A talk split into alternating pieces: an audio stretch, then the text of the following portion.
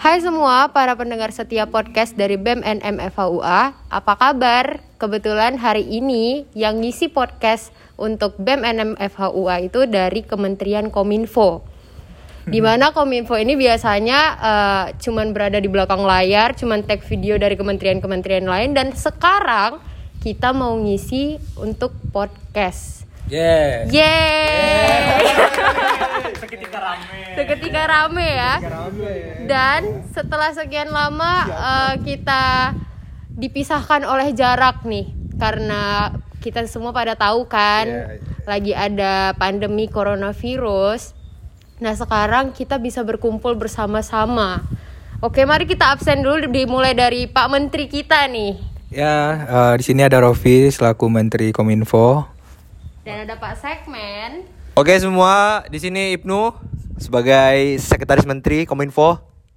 Terus ada siapa lagi nih? Dan sini hadir Muhammad Zaki Nuari sebagai staf dari Kominfo BNMM FHUA.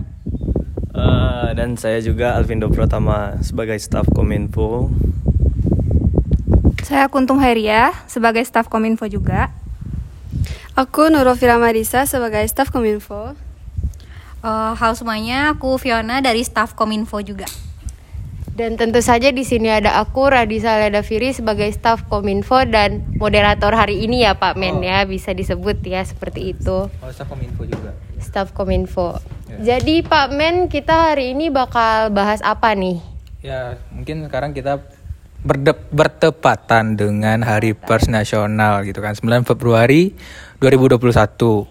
Jadi kita akan bahas tentang Hari Pers Nasional nih. Kita akan berhubung kan kita juga berada di BEM ini dalam Kementerian Komunikasi dan Informasi. Iya, benar Jadi em, berhubungan lah dengan Hari Pers Nasional gitu ya. Kita akan membahas tentang Hari Pers dan informasi komunikasi ya terkait dengan ke- kementerian kita gitu sih Adis. Oke, terima kasih Pak Men. Jadi seperti kata Pak Men kita tadi, di mana Hari Pers itu eh, jatuh pada hari ini, teman-teman semua. Jadi ini Hari Pers Nasional nih hari ini tanggal 9 Februari 2021 ya Pak Men.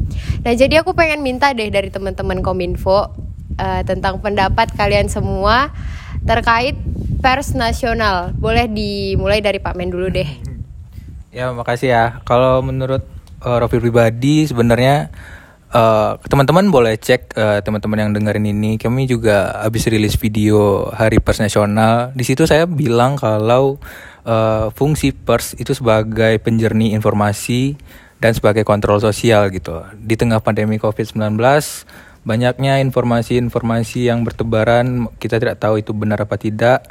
Dan itu di situ juga ada fungsi pers sebagai penjernih informasi untuk kita semua.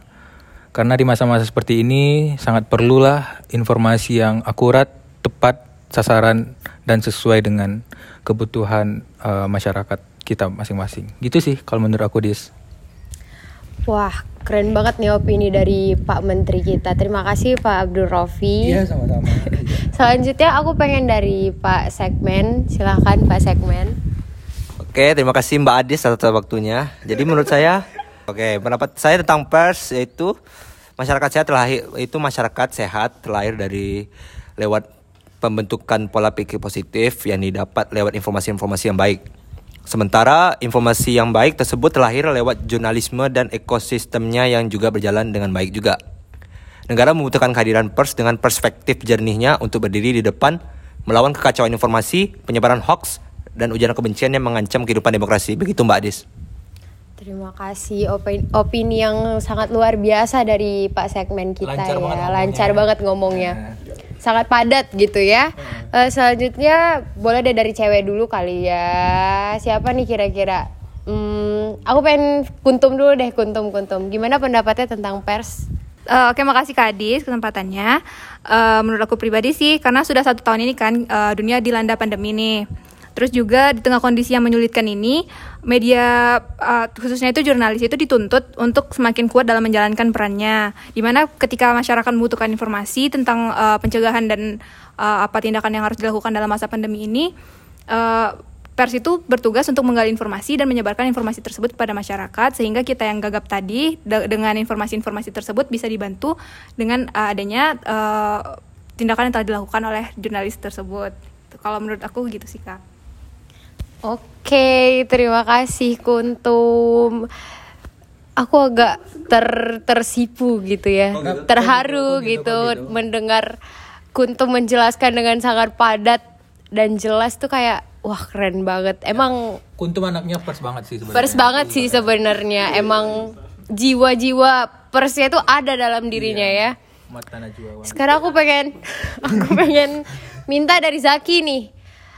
Eh, for your information, Zaki tuh anak yang paling kalem dan pendiam di Kominfo. Jadi mari kita dengarkan opini dari Zaki ya. Coba di absen dulu ya. Coba di absen dulu. Di absen dulu ya. Eh, kalau menurut Zaki pribadi sih untuk di hari pers, apalagi di ini ya di situasi COVID-19 sekarang ini, eh, media itu kalau bisa dituntut untuk semakin kuat dalam menjalankan perannya. Mengapa demikian?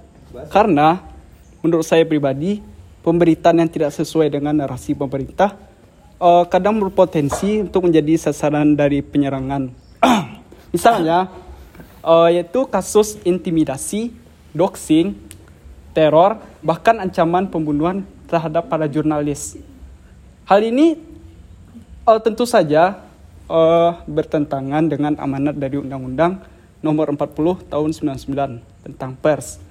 Pasal 4 ayat 1 sampai 3 yang menjelaskan salah satu peranan pers adalah yaitu melakukan pengawasan, kritik, koreksi dan juga eh, saran terhadap hal-hal yang berkaitan dengan kepentingan umum.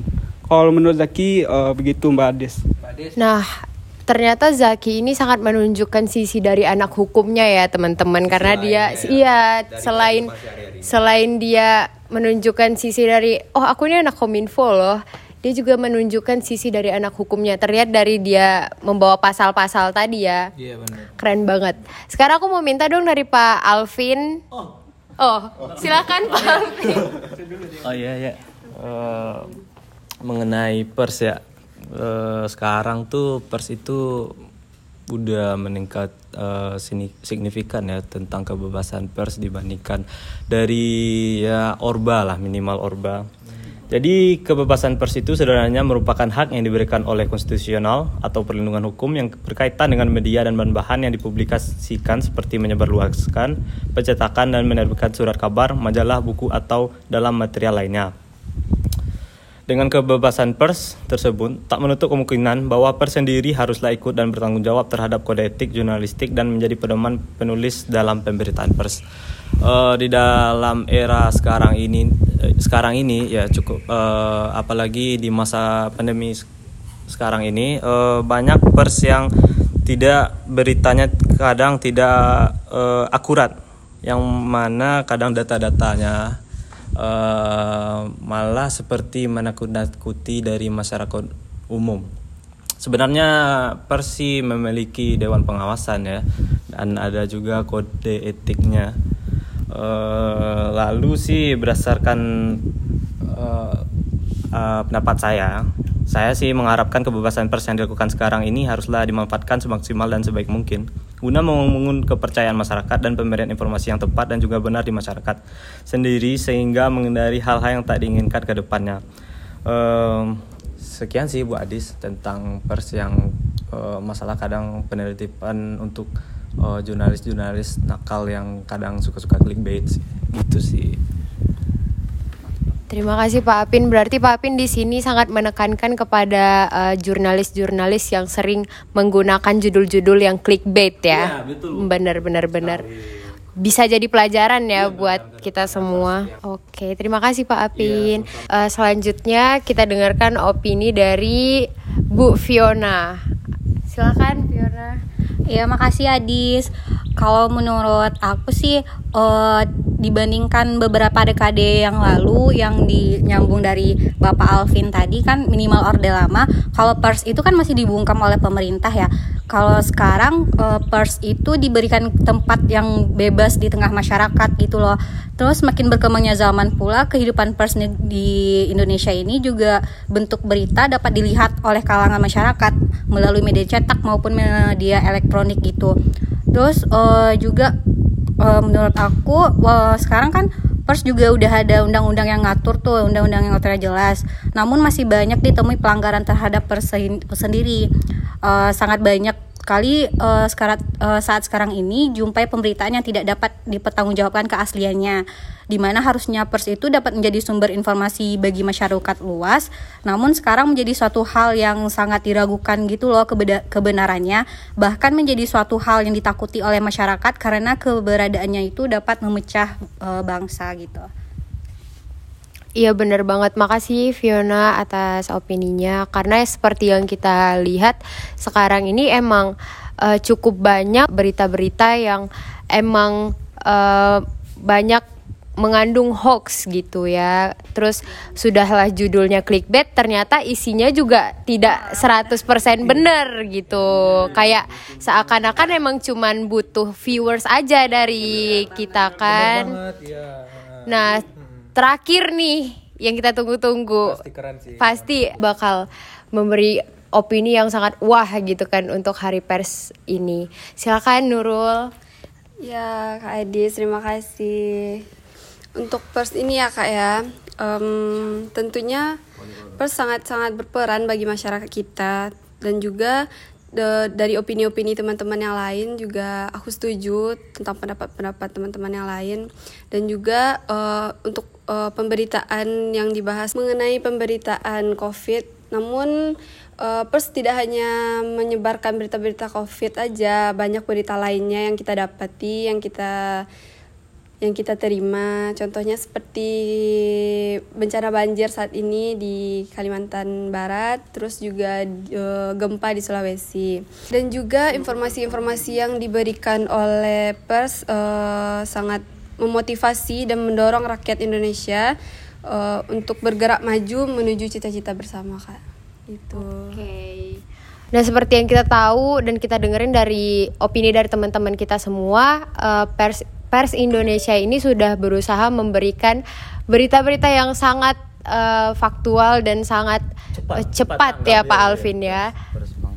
Ya menurut saya sendiri sih pers di balik eh, yang masalah tentang eh, walaupun ak- nggak akurat beritanya eh, tapi pers itu sangat tanggap sekarang ini. di mana-mana pun pers sekarang cepat sekali mm, dan ya dengan gerakan bawah apa pun itu pers per- eh, sangat cepat lah ya cepat. mengusahakan sangat mengusahakan memberitakan. apa yang eh, untuk diinformasikan ke masyarakat. Ya gitu sih. Iya, Bu Adis Eh, walaupun seperti yang kita tahu juga sebenarnya banyak hal yang masih harus dibenahi oleh pers Indonesia, tapi kita juga harus eh, salut kepada eh, jurnalis-jurnalis kita yang udah mau berjuang ya, turun ke mana pun, mulai dari eh, bencana alam ataupun seperti misalnya gerakan mahasiswa, mereka mau menantang eh, bahaya atau apa pun yang akan terjadi ke depannya. Bahkan sampai agresi militer juga ya kan? Iya Iya, yang sekarang sekarang ini ya Pak. Iya. agresi militer ya. Mungkin segitu aja dulu kali ya di podcast podcast kita kali ini. Mungkin kita akan ketemu next time di di pembahasan selanjutnya. Semoga aja, ya. semoga kita sehat selalu dan buat eh, hari pers hari ini semoga eh, harapan kita semua tentu saja buat pers nasional yaitu semoga eh, para jurnalis, para eh, eh, pers nasional kita itu bisa lebih baik ke depannya, bisa menjalankan eh, pekerjaan dengan kode etik yang berlaku. Amin. Tentu saja. Amin. Sehat-sehat selalu juga. Sehat-sehat selalu semuanya para jurnalis kita yang rela berkorban, rela uh, Mencari mencari, berita. dengan cara apa pun ya. Semoga semakin jaya dan sekali lagi di akhir dari podcast ini, sesi podcast ini, Kementerian Kominfo BEM NM FAUA mengucapkan Selamat Hari Pers Nasional 2021. Semoga semakin jaya pers Indonesia. Jaya, jaya, jaya. Bye bye.